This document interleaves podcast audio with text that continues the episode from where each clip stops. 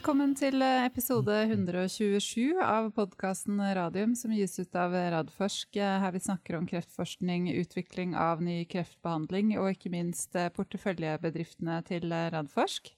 I dag er det 29. april 2020. Velkommen i studio, Jonas Einarsson. Takk skal du ha, Elisabeth. Litt tilbake til normalen når vi begge to er i studio for andre uka på rad. Ja, det, det hjelper på, det. Hyggelig å se noen mennesker i hvert fall én gang i uka. Ikke sant? Og så er det veldig hyggelig å ha med Agnete Brunsvik Fredriksen, president og forskningssjef i Vaxibody, også i studio. Ja, men med god avstand, da. Veldig god avstand. Mm. Men mikrofonen kan du gjerne ta litt eh, nærmere. Kan jeg det? Ja, Ja, men det skal jeg prøve. er det bedre nå? nå er det mye bedre. Ja. Og så er det hyggelig å ha med Mikael Engsig, administrerende direktør i Vaxibody, på telefon fra Danmark. Ja, takk skal du ha. Og jeg holder meget god avstand. Det er bra. Det er veldig bra.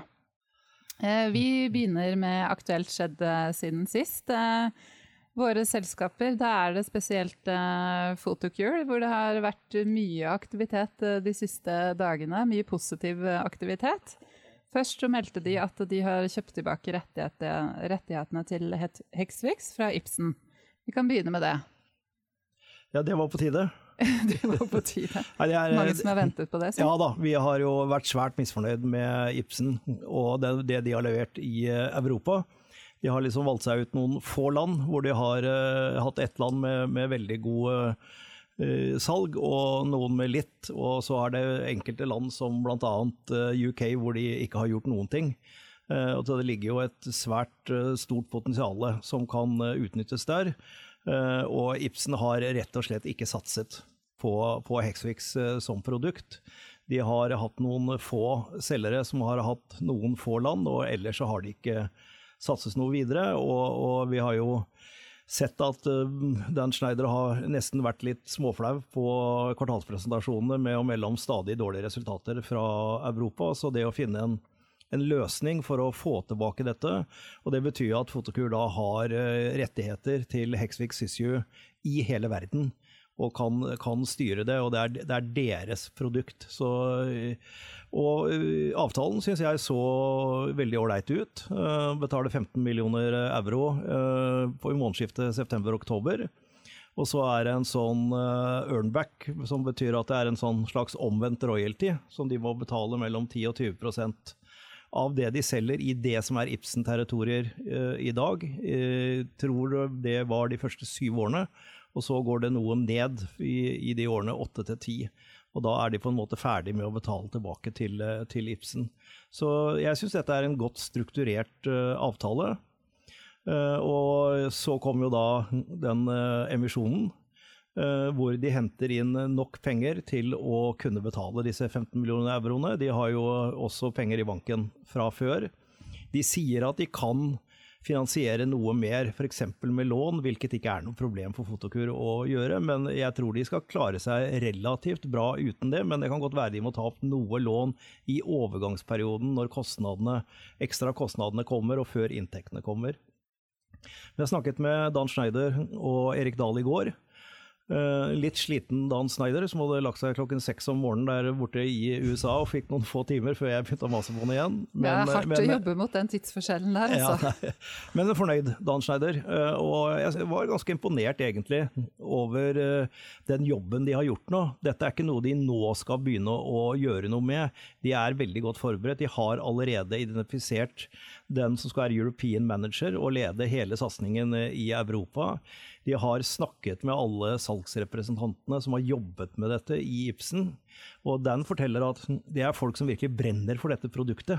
Og har følt liksom sånn at de har jobbet under en tvangstrøye fordi de ikke har fått lov til å gå inn i nye land og utvikle dette videre.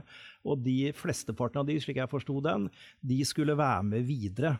Og Det betyr at f.eks. i Tyskland så vil det jo være den samme representanten som kommer og besøker sykehuset, som bruker Hexvik, Hexvix etter 1.10, som det var før 1.10. Så en relativt sømløs overføring. Og så må de selvfølgelig bruke penger på å komme i gang i land som, som England eller hele UK. Men jeg syns dette er en godt strukturert avtale. Og den emisjonen viste jo at han antagelig var flere enn meg som syns det. De hentet inn 143 millioner, som var maks av det de hadde fullmakt til. Og den ble overtegnet seks ganger. Oi. Og rabatten, vi er jo vant til at det er store rabatter ved emisjoner i biotekselskaper, men den rabatten eh, var på jeg tror det var 4 eller 5 mm. Og kursen steg ganske kraftig også dagen etter, med veldig stor omsetning. Så det var tydeligvis flere som ville være med. Så var det jo svært uheldig da, at et, et styremedlem i Fotokur plutselig meldte om et nedsalg i går. Et beskjedent nedsalg, for det var 9000 aksjer. Men, men, den type signaleffekt er svært uheldig. Og jeg holdt på å si uh, Rimelig nok så kom det en melding en time etterpå at han det, trakk seg fra styret i Fotokor med umiddelbar virkning, og så kan man spekulere i hva som skjedde, men, men, litt uheldig. Men det tror jeg markedet på en måte skjønner, at det er den, denne avtalen som er det, er det viktigste. Eh, så det, det, var to ting som skjedde på én gang i går. Det kom den meldingen. Og så kom det en børskommentar i E24 som i beste fall var talentløs, eh, og i verste fall spekulativ. Eh, det var en kommentator som, som hadde oppdaget på side 12 i prospektet at eh, prisen for Hexfix i Europa var ca. halvparten av det den er for Sysview i USA. Og han mente at det da var stor fare for at prisen i USA kunne synke til det samme som prisen i Europa. Fordi Fotokur nå eide også rettighetene i Europa. Det er middels talt vrøvl. Det er helt forskjellige prissystemer i Europa og USA. I Europa så er det single payer. Det betyr at det er stat, staten som forhandler med selskapene. Mens i USA så har Medicare, som er den største avtakeren, de har ikke lov til å forhandle om pris. De må ta den prisen som det tas ute i poliklinikk og mindre steder. Så der er det helt annen prisregulering. Og det er helt vanlig at det minst er dobbel pris på medikamenter, samme medikamentet, i USA som i Europa. Så jeg håper liksom at markedet tar til seg disse to tingene, og, og ser at det ikke har noe hold i det hele tatt. Mm. Ja, vi har fått inn et spørsmål akkurat, uh, akkurat om det som du er inne på der, at prisingen mellom eh, Europa og USA er vidt forskjellig. Um, og så skriver eh, lytteren at Photocure har jo vist at det er svært store samfunnsbesparelser på å bruke Hexvix Sysvi pga. færre liggedøgn på sykehus. Hvordan er mulighetene for å øke prisen i Europa, lurer da den lytteren på. Ja, det er et godt spørsmål. For i Europa så er det nettopp kost-nytte som legges til grunn. Mm. Og jo mer et selskap kan dokumentere nytte, og med, gjennom flere studier, gjennom å vise at det er mindre, mindre liggedøgn i sykehus, gjennom å opp, eh, vise enda mer at recurrence raten, altså tilbakefallsprosenten, er mindre, og til og med at den kanskje kan ha en terapeutisk effekt, så er det helt opp til selskapet å innlede forhandlinger med de europeiske landene igjen og si at nå mener vi vi kan dokumentere en bedre kost-nytte enn da vi fikk den forrige prisen, så vi ønsker å øke prisen. Det er forhandlinger, men det er dynamisk. så det det, det kan skje. Mm. Så bra. Uh, utover det med Photocure så er vi i dialog med de om å få de med i eh, podkasten. Så prøve det, til tross for litt stor eh, tidsforskjell til USA. Så vi får være fleksible, vi. Kanskje la Dan sove på natten, så får heller vi være oppe. Vi får se på det. du var ikke veldig åpen for den løsningen? Jeg er ikke så veldig begeistra for nattmøter. Nei, jeg er for så vidt ikke det heller. Um, ellers kan jeg nevne fra selskapene våre at uh, eh, PCI Biotech eh, legger fram sin Q1-rapport uh, 6. mai. De skal ha en webcast klokken 8.30. Og Targovax uh, legger fram sin Q1-rapport 7. mai og skal ha en webcast klokken 10. Og så må vi innom eh, Bergen Bio, ha en glidende overgang til eh, korona. Eh, for deres legemiddel Bemsentinib bør blitt plukket ut som en av tre behandlinger mot covid-19 til å få fast track i en britisk fase 2-studie. Og der gikk vel børskursen 100 eller? Ja, vel 140% å begynne med, og så roa han seg vel eh, litt ned igjen. Jeg så, Men, på den, jeg så på den eh, webkasten eh, tidligere, da. jeg vet ikke om dere, du har fått tid til å se det, Agnete. Jeg vet du er rimelig, rimelig opptatt, men du er jo mye mer inne i dette enn det, enn det jeg er. Men, men ja, de er blitt plukka ut som faktisk det første medikamentet som skal inn i den Accord-studien som starter i, i, i England nå. Og det de gjør der, er at Den studien er på en måte åpen i den henseende at de tar inn kandidater etter hvert som de finner de, og kjører de gjennom det som de nå kaller fase 1. Det har ikke noe med våre gamle begreper å gjøre. Altså Trinn 1, da, som egentlig tilsvarer en fase 2-studie. Og går rett på det, kun med prekliniske resultater på, det, på, på dette molekylet. Og grunnen til at, ja, og, og, og, designen er da at dette er på en måte en sånn silefase, hvor de kommer til å ta inn mange forskjellige medikamenter inn i denne første fasen. Eh, som ikke er så veldig mange pasienter. Jeg tror det var 120 som ble behandla og 60 i kontrollgruppen, hvis jeg husker disse tallene riktig. 60-60 for, uh, 60, 60, ja, for okay. Bergen Bio, i hvert fall. Nettopp. Mm. Uh, og, og, hvis resultatene da tyder på at dette kan ha noe for seg, så går de inn i en sånn efficacy-studie, en større studie, som blir tilsvarende en fase 3-studie. Så det som blir det store, eller det veldig, veldig trange nåløyet for Bergen Bio nå, blir jo om de blir flytta fra trinn 1 til trinn 2, og det vet vi om noen måneder. Mm. Eh, bare prekliniske resultater på dette, noe som vanligvis selvfølgelig ville vært altfor tynt til å starte en sånn studie. Men når jeg så den webkassen og så på hele rasjonalet og biologien bak hvorfor de mener at dette kan ha noe for seg, nemlig med at koronaviruset bruker Axel, som er den, den, eh, som de inhiberer, til å feste seg på og komme inn i eh, cellene. Én av sikkert flere måter, men hvis de kan hemme det, så, så er det et godt rasjonale for at dette kan virke. Så, og det at et av våre selskaper her i Norge er de første som eh, er med her, og så vet vi jo at det er relativt stor interesse for plattformteknologien til noen andre selskaper i Norge vår portefølje. Men det kan, du kanskje, du, det kan kanskje du følge opp litt videre. Ja. altså, vi, vi, er jo bare lyd, så nå så du liksom bort på Agnete her. bare beskrive det, det for lytterne. Det nå at jeg liksom regner med at vi må ja, Det er dårlig med kameraer her, Einarsson. Men uh, vi kan uh, gå over uh, både til å snakke om Vaxybody og, og men jeg tenkte vi skulle holde oss litt på korona enn så lenge. Eh, Mikael, er dere også i gang med en sånn sakte gjenåpning av samfunnet i Danmark, sånn som vi er i, i Norge? Hvordan er, det, hvordan er tilstanden hos dere? Nei, på mange måter er situasjonen i Danmark veldig lik situasjonen i Norge. Og uh, vi har også de samme observasjoner som vi har. Smittetrykket synes å, å være under kontroll og stadig nedadgående. Skoler er åpnet opp midt i april, og frisører og lignende åpnet opp midt i april. Så, så, vi begynner også å kunne se lyset for enden av, av tunnelen her i Danmark, precis som, øh, som vi også kan i Norge. Mm. Så bra. Det, det er spennende Mikael, at dere åpna, jeg var ikke jeg klar over at det var så tidlig. Det vil si at dere har egentlig fått denne 14 dagers laggen dere nå fra dere åpna. Sånn at hvis det skulle være, vise seg at dette slapp smitten fullt løs, så burde vi jo begynne å se at det gikk den gærne veien inn i Danmark. Da. Så det er jo svært gode resultater. Og nå sitter Agnete og nikker her. Lige præcis. Og vi sidder også og følger tallene meget, meget tæt her i Danmark for at se, om der er tegn på, at de samler op. Foreløpig så falder de stadigvæk, så vi er, vi er meget optimistiske. Ja, men så bra. Godt å, godt å høre. Hvordan, eh, vi har så vidt kommet i gang denne uken, eh, Agnete og Jonas. Hvordan syns dere det går? Agnete, ta deg først. Nei, det går bra eh, foreløpig. Jeg tror mange liker å få lov å se litt mennesker igjen. Det er veldig hyggelig å være her. Se, se dere to. Så skolen begynner igjen, tror jeg letter, letter, trykket for mange av de som har små barn, da. Mm.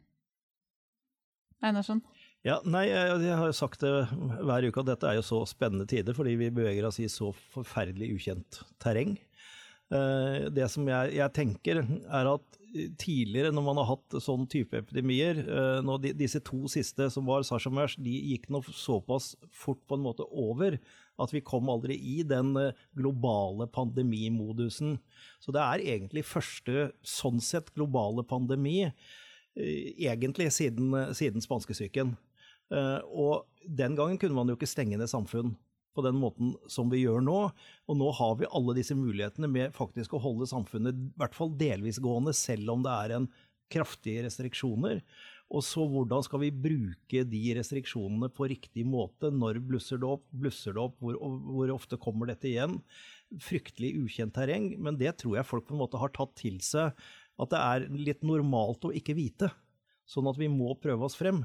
Og så er det bare mitt inderlige ønske at folk skjønner at den smitten er der ute i samfunnet. Så hvis vi går tilbake til pro 12. mars, så er jeg helt sikker på at vi får en voldsom bølge igjen. Og Derfor er det så viktig å følge alle råd nå fortsatt videre. Mm. Ja, det er den usikkerheten Det er ikke så lett å forholde seg til. Så mm, jeg tror det, det, er jo noe som gjør noe med psykologien. Men eh, Agnete og Mikael, dere jobber jo internasjonalt. Eh, både på vaksineproduksjon, studier, samarbeidsprosjekter. Hva, hva, slags tilbakemeldinger får dere av deres eh, samarbeidspartnere? Jeg kan høre med deg først, eh, Mikael. Altså, vi, vi, kan jo se, til trods for at vi i Danmark og Norge synes det har vært hårdt nok i seg selv å sidde heroppe, så har vi jo vært forholdsvis forskånet i, i, begge land i forhold til hvordan det her har ramt andre land. Og øh, også i Sentral- og Vest-Europa og USA har det, har det gått litt hardere for seg. Uh, Vaxibody har i prinsippet vært godt forskånet. Uh, på, på, sin vis også. Uh, de sites vi har arbeidet med, de har ligget i Tyskland. Og Tyskland er et av de få lande der ikke har satt uh, alt rekruttering på hold. Og det vil si Vores sites har gjennom hele det her forløpet insistert på å fortsette med å behandle pasienter og rekruttere nye pasienter. Og Det setter vi selvfølgelig meget stor pris på. Sammen har vår supply chain, som også er, er basert i uh, forholdsvis sentrale og Vest-Europa, men, men, også andre steder i verden. De har også alle sammen kunnet levere uh, på, øh, på vores prosjekter og, og sørge for at vi får medisinen frem til pasientene i, i tide gjennom hele forløpet. Så vi, vi, har vært, vi, har vært, forskånet for, for, de store effekter, men vi kan godt se at det har ramt, øh, det har ramt hardere hårdere i, i andre land. Mm. Vi har jo også et, et studie som skal til å starte opp i forskjellige land i Europa. og Der kan vi godt se at effekten har, har vært av forskjellig grader i forskjellige land. Agnete? Mm. Nei, vi vi var jo eh, hadde ganske intenst eh, internt arbeid eh, når dette begynte, med å se på alle måter vi kunne prøve å begrense de negative effektene av dette. Og har, har egentlig vært litt overrasket over hvor heldige vi har vært og vært forskånet for, for de store konsekvensene av, av covid-19. Så veldig bra for oss. Mm og pasientene. Jeg håper jo også og tror at dette er et lite signal fra våre sites om at de syns at vi jobber med et spennende prosjekt som uh, vi allerede har sett har hatt uh, tegn til veldig spennende kliniske responser i, i pasientene. Mm. At de prioriterer det. Absolutt. Um, dere skal jo selv i gang med å satse på infeksjonsmedisin nå. Vi skal komme mye mer uh, tilbake til det. Men uh, hva tenker dere om de ulike tilnærmingene som foregår nå? Både med å utvikle en, en vaksine mot uh, koronaviruset, men også behandlinger? Ja, det er veldig spennende å følge. Så så det er jo Vaksiner i seg selv er jo eh, Lages jo på utrolig mange forskjellige måter. Eh, og det går jo på hvilken del av dette viruset, nå i denne spesifikke saken, man velger å fokusere på for å få eh, aktivert immunforsvaret. Eh, og det er jo interessant å følge hvilke deler ulike selskap har valgt å putte inn, og hva som til slutt vil være det riktige. I tillegg så er det veldig eh, ulike mange ulikheter på både produksjonsprosessen, men også i hvor stor grad de ulike vaksineplattformene kan gi en rask respons etter én dose, eller trenger flere doser eller høye doser som krever stor manufacturing, og at pasienter kommer tilbake og det tar lang tid før man får beskyttelse. Eh, så det er ganske mange parametere som er interessante å følge, så det er jo ikke nødvendigvis first eh, in-class som vil være det riktige valget. Det vil, eh, det vil tiden vise. Det er mye, mange analyser som er spennende å følge fra alle pasientene som eh, ikke nødvendigvis er vaksinert, men bare pasienter som har gjennomgått sykdom nå, for å finne ut eh, hva som er den riktige veien for å lage den optimale vaksinen. Selve infeksjonsfeltet er jo ganske konservativt når det gjelder hvordan de normalt utvikler vaksiner i forhold til hva vi er mer kjent med fra eh, kreftvaksinefeltet. Mm. Har du noen formening om eh, tids, tidsforløpet man kan vente seg før man har en, en vaksine som er trygg, trygg nok i bruk til å massevaksinere? Nei, det er som å spå. fordi jeg mener ikke dette handler ikke det er jo, Myndighetene bestemmer jo litt hvor fort eh, man kan gå fram. Men eh, om, om den første, den som er raskest eh, gjennom de første kliniske studiene, vil ha den riktige profilen som, eh, som eh, er optimal å rulle ut til resten av verden, det vil tiden vise. Så det er så mange parametere som må følges over sikt her til å egentlig vite Eh, når det kan være en mm. effektiv vaksine, og som også har vist seg å være trygg. Mm. Vi får følge med. Eh, da må vi rette fokuset bare mot uh, Vaxibody. Mikael, jeg tenkte kanskje du kunne begynne med å gi oss en, en introduksjon til selskapet, sånn at vi har med oss alle lytterne våre på, på hvem dere er og hva dere gjør? Ja, selvfølgelig. Kort fortalt så er Vaxibody et førende vaksineteknologi-biotekselskab med en spennende øh, klinisk stage, clinical stage portfølje af projekter inden for onkologi. Og nå nu har vi senest til at udvidet med en satsning på infectious diseases. Kernen i Vaxibody er vores såkaldte Vaxibody vaccineteknologi, som via sin unikke konstruktion besidder dels evnen til at kunne rejse et helt unikt immunrespons, og dels fleksibiliteten til å kunne blive brugt i en lang række forskellige situationer. Og vi har gennem de sidste par år fokuseret 100% på at vise vores effekt og sikkerhed inden for onkologi. Og det føler vi har opnået i 2019, og derfor er vi nu nået ind i en fase, hvor vores fokus kan udvides til at undersøge andre områder med unmet medical needs for vores teknologi. Det var den helt korte version. Den helt korte versjonen. Antall ansatte og sånt noe, det kan vi høre litt om det også?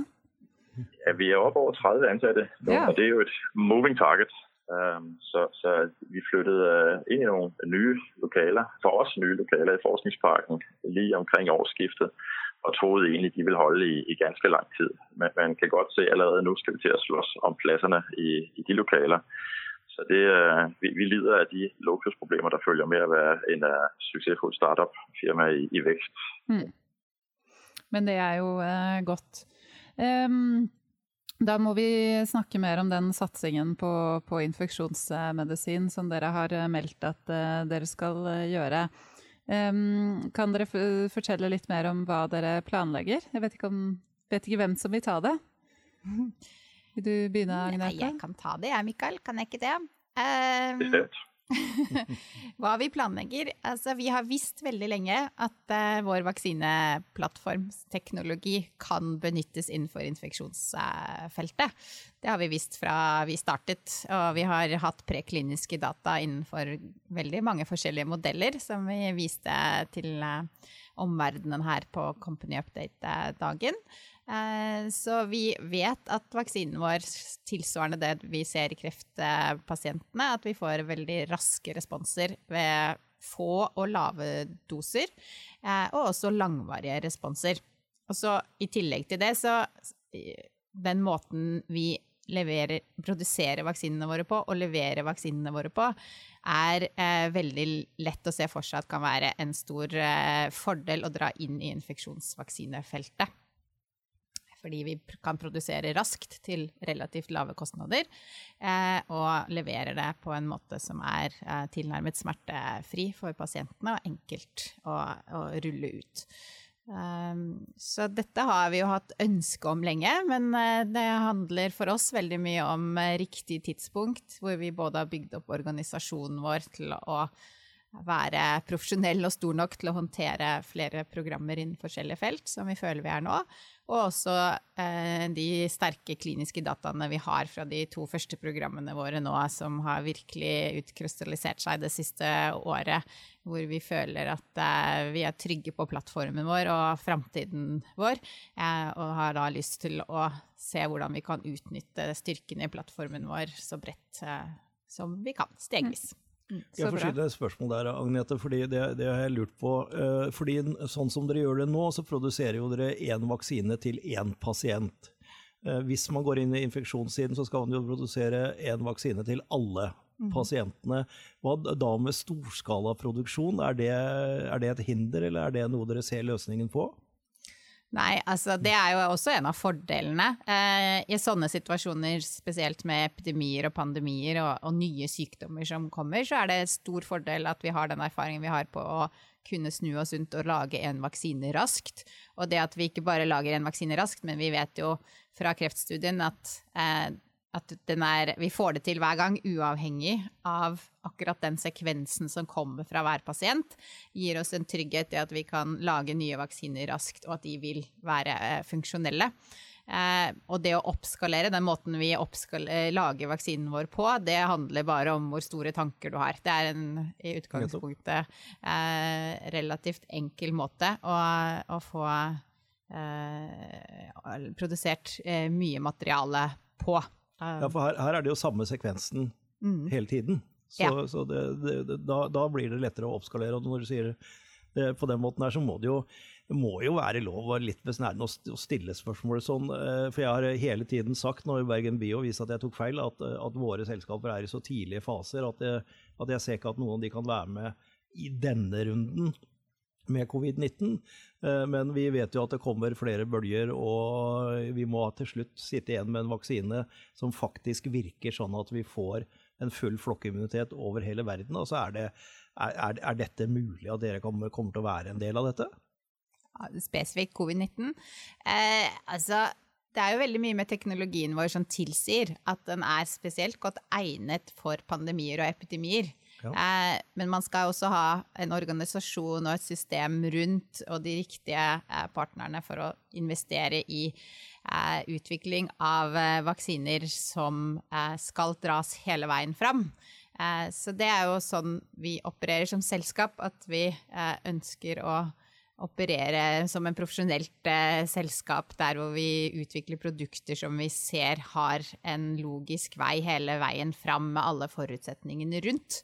Um, så covid-19 spesifikt så er det eh, interessant, som jeg var inne på før, å følge eh, hvor, hva skjer med disse første vaksinene. Eh, og er det, er det, first in class, eller er det behov for noe mer sofistikert i framtiden? Eh, det vil vi jo eh, vurdere. Jeg mm. vil ikke si at det er på noe tidspunkt for sent, men vi går ikke inn i nye prosjekter på et forskningsstadie. Vi går inn i nye prosjekter når vi ser at eh, det er en logisk vei hele veien fram. Eh, nå føler jeg meg sånn tilbake til Dagsnytt 18 med sånn politisk eh, korrekte svar.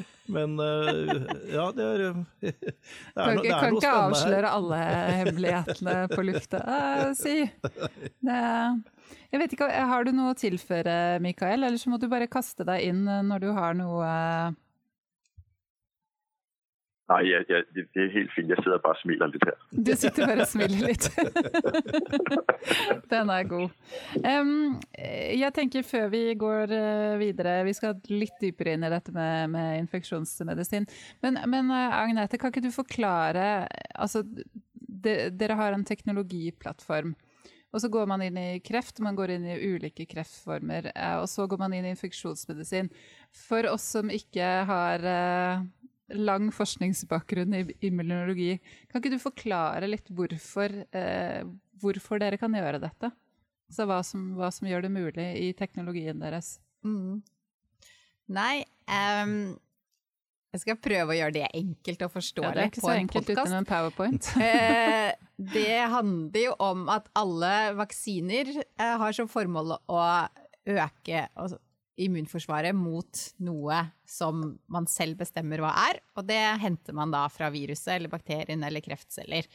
Vi vet at, som Jonas var inne på i stad, at vi har en fleksibel teknologi, så vi kan putte inn noe fra virus eller bakterie eller kreftcelle, og vaksinen vår tolererer det.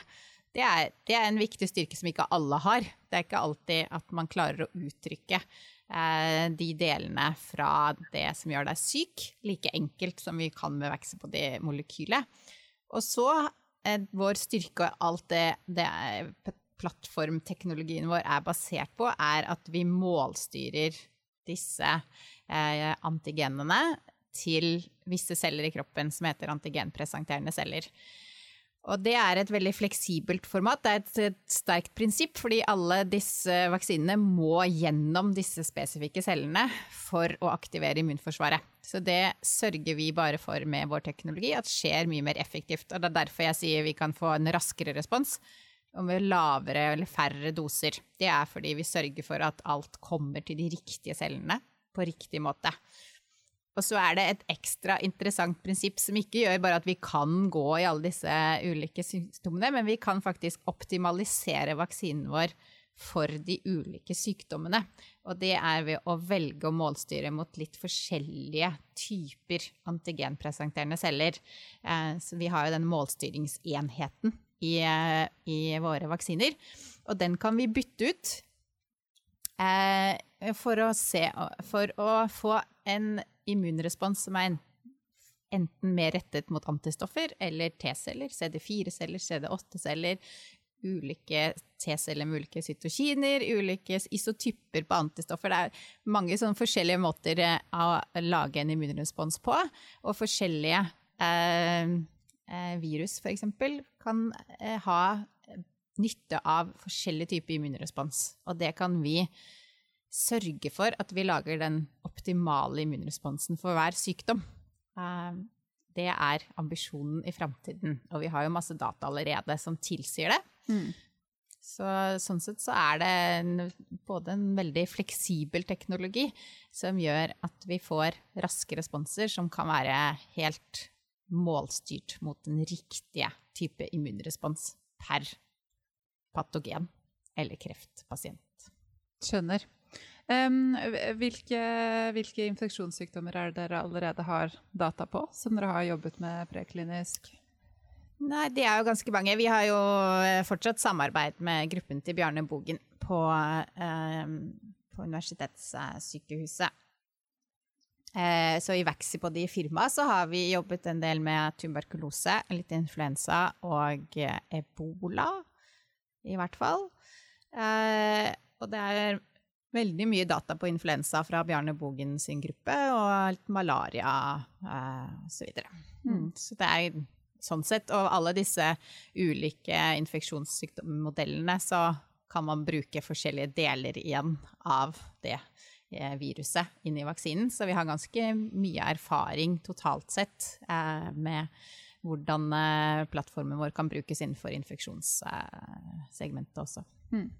Men vil det si at dere nå er litt i den fasen med et sånn type luksusproblem som dere hadde da dere startet Vaxibody? Altså hvilket, uh, hvilken sykdom skal dere gå inn i? Nå er det hvilken infeksjonssykdom skal vi satse på? Ja, eh, luksusproblem er det jo, eh, på et vis. Ja. Så nå handler det egentlig om å kombinere den styrken og erfaringen vi har i Vaxibody, og alle de som jobber i Vaxibody som kjenner teknologien, og teknologien styrker veldig godt, og den ekspertisen som Gunstein Norheim drar inn i Vaxibody, som er utrolig sterk på infeksjonsfeltet, på epidemiologi og eh, hvilken type immunresponser som er nyttig for ulike infeksjonssykdommer. Og så vil vi jo prøve å lage en fusjon av denne kunnskapen og finne ut hvor vi bør gå først. Og det er jo da basert på hvor vi tror vi har den største competitive edge eh, til slutt. Mm. Du nevnte Gunstein Norheim. Eh, det var jo relativt bra tima, eh, kan man si. Og, og, kanskje må ha begynt å tenke på før korona også. Det, slike ting tar jo litt tid. Men gi, gi lytterne våre litt bakgrunn for han, for den er veldig spennende. Hans bakgrunn. Gunstein Norheim er vel en av de få nordmenn som har så sterk eh, internasjonal, global eh, ekspertise innenfor infeksjonsfeltet. Han har et ekstremt stort nettverk eh, og har vært med på samarbeidsprosjekter gjennom ulike infeksjonsvaksineprogrammer innenfor mengokokk og ebola og etc og jobbet eh, både i Norge og i, eh, på Oxford, og, og, vært utplassert rundt omkring i ulike deler av verden i forbindelse med klinisk utprøvning av, eh, av infeksjonsvaksiner, inkludert ebolavaksinen, som er en veldig sånn innovativ eh, måte å, å teste eh, hvordan den ebolavaksinen fungerte, som gjorde at den ble, fikk raske resultater i, i feltet. Så eh, ekstremt eh, fornøyd med at eh, vi fikk tak i akkurat Gunstein, som, eh, som kan bidra med, med, den kunnskapen inn i, inn i Vaxibody og blir en stor styrke for oss eh, når vi går videre. Både kompetansemessig og nettverksmessig. Mm. Så bra. Og hvis jeg kan tilføye her, Jonas, jeg synes du nevnte noe som var viktig å fremheve igjen. Det, det, det, tror jeg også vi har forsøkt å fremheve et par ganger. at uh, Ansættelsen av Gunstein og vår beslutning om å satse på infectious har ikke noe å gjøre med den nåværende pandemi og den nåværende situasjonen vi står i. Det er jo en beslutning, det tar ganske lang tid å komme frem til og, og få eksekvert og og få fatt i en kapasitet som Gunstein. Det er ikke noe man gjør over natt. Det, det kan jeg godt uh, hilse å si. Så det, det er noe der har tatt oss lang tid å, å få, få debatteret internt i firmaet og med bestyrelsen, om det var denne her veien vi skulle gå. Og så er det også vigtigt for os at fortsætte den linje, at, at uh, ikke bare springe over det første og det bedste projekt, uh, der ligger og venter, men at lave en grundig analyse på, hvor er det, jeg kalder sweet spot imellem øh, det område, hvor vores teknologi kan gøre en forskel, det område, hvor der er et unmet medical need, og det område, hvor der stadigvæk er plads til at gøre en forskel øh, i, i en konkurrencemæssig sammenhæng. Og det er lige præcis det, vi har bedt Gunstein om at lave en rigtig, rigtig grundig analyse på nu, sammen med resten af Vaxibody-teamet, så vi er helt sikre på, at når vi kaster os over det, så gør vi det med, med på et, et vældig informeret grundlag det, det, har vært viktig for oss å få, få den poenget fram. Mm. Det, det, skjønner jeg. Uh, har dere noen sånne interne tidslinjer som dere kan fortelle litt om eksternt? Eller er det sånn dette tar den tiden det tar? og Nei, det er det jo riktig. at uh, Vi vil jo heller gjøre en god analyse enn å levere den akkurat uh, første et eller annet. Uh, men vi regner jo med, det har vi sagt også, vi regner jo med at vi har en, en, god plan for hvordan vi skal satse videre på dette i løpet av året. Mm. Så bra. Mm. mm. Eh, da må vi gå litt eh, videre til å snakke om eh, hva som skjer innenfor kreft. Jeg tenkte vi kan kanskje begynne med den kliniske utprøvningen av den persontilpassede vaksinen BB10 Neo. Hva er status der? Jamen, som vi også nevnte på vår business update den 16. april, så kører studiet stadigvæk videre på, på full aktivitet. Det er vi jo veldig lykkelige over. Jeg tror, der, der er to forhold, der gør sig gældende her. Den ene, den har vi muligvis selv lidt nære for. Øh, det skyldes, at vi har nogle forfærdeligt dygtige og vældig engagerede klinikere på, på de sites, som insisterer på at blive ved med at tilbyde deres patienter behandling, og også nye patienter. Og det kan vi altså mærke. Der er en loyalitet og en motivation omkring det her projekt her, som gør, at det har været helt uaktuelt at diskutere indtil nu, om, uh, om vi skulle sætte det på, på hold. Og det andet, vi har været uh, lykkeligt ramt af, det er, vores studie kørt i Tyskland, som jeg nævnte før. Tyskland af forskellige grunde et af de få lande, der ikke har været ramt af total nedluk på enrollering fra, fra officiel side. Så det betyder altså, at vi, vi stadig har kunnet uh, både behandle de patienter, vi har enrolleret, og vi har kunnet enrollere nye patienter, og vi har kunnet producere medicin til, til de nye patienter. Og vi opdaterer jo ikke løbende på antallet af, af nye patienter, uh, der kommer ind. Men som vi sagde sidst på vores business update, så har vi på nuværende tidspunkt enrolleret 39, det vil sige 39 ud af de cirka 50 patienter, vi skal bruke Og screening og enrolleringen foregår stadigvæk. Så bra. Har du noe å tilføre? Nei, Agnete? jeg, jeg syns jo dette fortsatt er superspennende, og vi fortsetter jo å lære fra hver pasient. Så vi, vi vi følger dette veldig nøye og har masse å gjøre med å se på, på hvordan dette utvikler seg videre. Veldig spennende for Vaxibody, for dette er jo ikke bare denne studien. Det er jo som sagt veldig mye som har med plattformen å gjøre. Eh, og lærdom som vi kan ta inn i nye produkter innenfor, eh, spesielt da innenfor kreftsegmentet. Mm. Mm. Det, når kan man forvente at det, dere kommer med noen kliniske oppdaterte data fra den eh, studien? Nei, er jo, nå er det jo litt interessant med korona, da.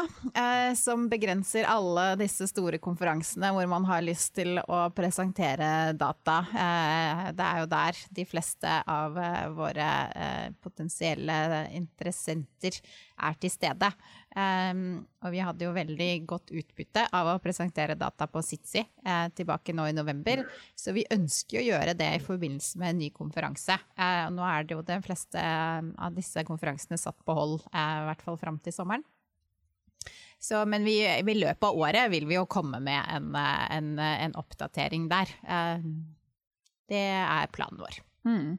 Så får vi se akkurat når og hvor, for det er litt mer uforutsigbart i disse dager enn enn det pleier å være. Ja, Kanskje tilføre hvordan, for det kan jo være ja. mulig som en digital presentasjon også. Det kan også, bli digitalt, ja. Ikke ideelt sett, så om det blir digitalt, så vi får se hvordan vi fordeler da, hvordan, hvordan vi eh, deler opp hvilke resultater vi presenterer på hvilken måte. Mm. Det, det, skjønner jeg. Det er mange, mange hensyn å ta sånn som det er nå. Um, så har dere også en annen vaksine under utvikling, VB1016. Den uh, har jo allerede i kliniske studier vist veldig god effekt mot uh, livmorhalskreft forårsaket av HPV-viruset. Og så i fjor, uh, februar var det vel, inngikk dere en samarbeidsavtale med Roche om klinisk utprøvning av den vaksinen i kombinasjon med Roche sin sjekkpunkthemmer atesolizumab, hvis jeg klarte å uttale det riktig. Da for å behandle en alvorlig livmorhalskreft. Hva er status her? Ja, der er vi jo den modsatte ende av et studies livsforløp livsforløb i, i, den helt indledende uh, del av oppstarten. Og vi uh, skal ut i seks forskjellige lande i en lang rekke sites i, i det her studiet her. Og øh, her, her bliver man jo så en lille smule, lader sig i hvert fald påvirke af, af coronasituationen. Så vi øh, har for så vidt opnået alle de formelle godkendelser, øh, vi skal have i langt de fleste af de lande, vi har, har lyst til at komme ud med det her studie her, og er klar til at trykke på start på enrolleringen. Lige præcis på grund af den her så har vi altså valgt at lige sidde stille i de næste par uger og følge situationen blot for å sikre oss at det rent faktisk er ved å være lys for enden av tunnelen. Og de kliniske sites begynner å komme opp på fullt operasjonell status innen vi trykker start. Så hvis det blir ved med å gå denne veien her, som vi ser i, i Norge, Danmark og, og visse andre land, så går det ikke lang tid før vi trykker på start på det studiet. Og så kan vi begynne enrulleringen. Så bra. Er dette, du sier det er seks land. Er, det, er Norge en av de landene? Ja, Norge. Så bra. Det er første gang dere gjør utvikling i, i, Norge, er det ikke det? Det er det, så det gleder vi oss veldig til. Ja. Mm. Det har vært noe vi har sett fram til en stund, det. Å få lov å, å ta, ta, produktene våre hjem, for å si det sånn. Mm. Oslo, Oslo universitetssykehus har jo nå definert uh, at de studier som har fått alle godkjenninger og de, de nødvendige kontrakter, er å definere som åpne studier. Sånn at eh, vi, dette har jeg, jeg jobba en del med de siste, siste ukene. Mm. Eh, så det betyr at vi er i full gang med å skrine etter pasienter i den type studier eh, her i Oslo nå. Mm, nettopp. Det er bra. Um, og så har dere jo også en annen spennende klinisk samarbeidsavtale med amerikanske bioteknologiselskapet Nectar Therapeutics. Eh, den, da skal dere kombinere den neoantigenvaksinen deres med Nektars eh, vaksineforsterker Og i behandling av kreft i hode og nakke. Hva, hva er det som er status her? Eh, nei, den er eh, veldig spennende. Vi kommer jo til å si fra når vi har dosert første pasient. Det tar litt tid i denne studien som eh, fordi som dere vet, så produserer vi jo en vaksine per pasient. Så pasienter med hode- og halskreft nå, de innrulleres jo, og så produseres vaksinen. Og så skal de vaksineres i ca. tre måneder før vi har tenkt til å gi første dose med, med Bempeg, Aldeslukin eller Nektar 214 um, til pasientene. Eh, og da har de jo egentlig pasientene kommet ganske langt i studien og har fått eh, i en periode. Så er det egentlig ganske kort tid før vi begynner å analysere effektene av kombinasjonen. Mm. Så det tar litt sånn tålmodighet i forhold til når eh, første blir dosert, ifra når eh, studiene ble godkjent. Eh, men, eh, men ikke så lang tid fra første pasient doseres til vi kan begynne å se etter, etter noen interessante eh, immunresponsdata, først og fremst. Eh, så det blir veldig spennende. Vi har jo veldig gode prekliniske data eh, som eh, tilsier at denne kombinasjonen er eh, potensielt veldig interessant å følge videre i pasientene. Den går jo rett og slett på at de T-cellene som vi først da lager med vaksinen, det er derfor vi vil vaksinere en stund først, så vil vi først lage de eh, vaksine-T-cellene som er spesifikke mot det vi har valgt å fokusere på i vaksinen vår. Og så legger vi på denne Bempeg, som lager eh, flere T-celler av det som allerede er laget av vaksinen vår. Slik at vi får en større og sterkere respons ganske umiddelbart. Eh, er det vi forventer å se. Så blir det spennende hva vi ser. Mm. Gleder oss. Det skjønner jeg. Det er alltid spennende det der, når man faktisk går fra preklinikk til eh, klinikk. Mm. På ordentlige mennesker, si. Mm, ordentlige mennesker, faktisk. ikke, bare, ikke, bare, mus som later som de er mennesker. Um, dere har jo lenge vært uh, absolutt høyeste verdsatte biotek-selskapet i Norge. Dere er registrert på Nå må du hjelpe meg. OTC-lista. Norwegian, OCC-listen. Ja. Uh, meg og disse engelske begrepene som jeg ikke er så glad i. Uh, og dere er, er verdsatt der til 5,6 uh, milliarder kroner. Um, hvordan er den finansielle situasjonen for selskapet, og hva er planene deres framover? Jeg tenker da spesielt på en potensiell børsnotering, som jeg vet mange av lytterne våre er opptatt av. Ja, ikke Elisabeth. Det, det er et spørsmål vi får mange ganger. Ja, det vil jeg tro. Så, den, den, finansielle situasjonen uh, først, så er Vaxibody i den meget heldige situasjonen at vi ikke står og har brug for ytterligere finansiering nå og her. Vi er finansieret til langt inn i 2021 med alle de aktiviteter vi øh, har planlagt. Og det er klart, i en situasjon som den vi står i lige nu, med så meget usikkerhet, også, også på finansmarkedene, så er det en posisjon vi er veldig lykkelige for å befinne oss i øh, lige nu på, på øh, finansieringssiden.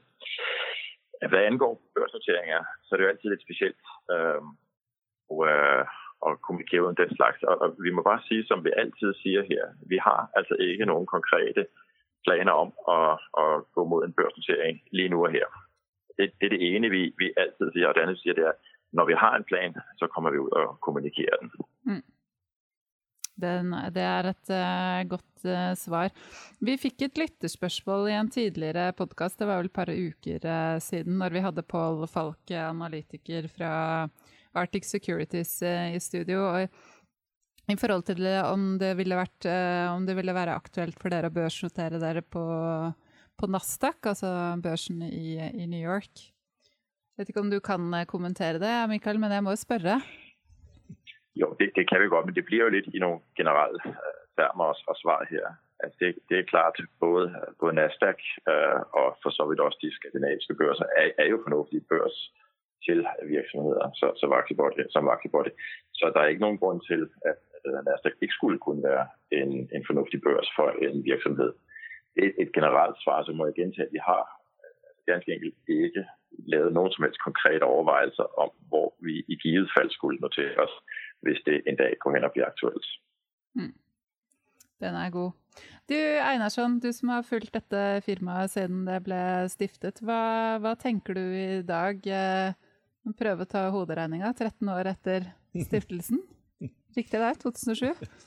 Jeg hadde ikke noe særlig lang erfaring og innsikt i dette når jeg ble innblanda og møtte Agnete for, for, første gangen. Det må jeg si. Jeg brukte, brukte, relativt med tid for å forstå teknologien. Men når jeg forsto den, så, så, er den litt sånn, nesten litt sånn selvforklarende.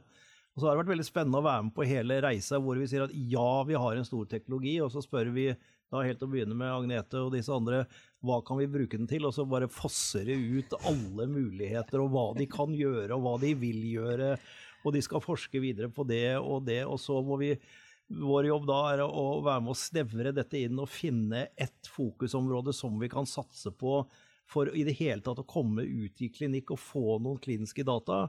Og det ble jo denne, denne livmorhalskreft-HPV-vaksinen. Uh, og så, så, fikk vi resultatene derfra som var veldig bra. Og så er vi nå på vei på en måte ut igjen, hvor vi utvider plattformen tilbake til der vi starta, og utnytter hele plattformen.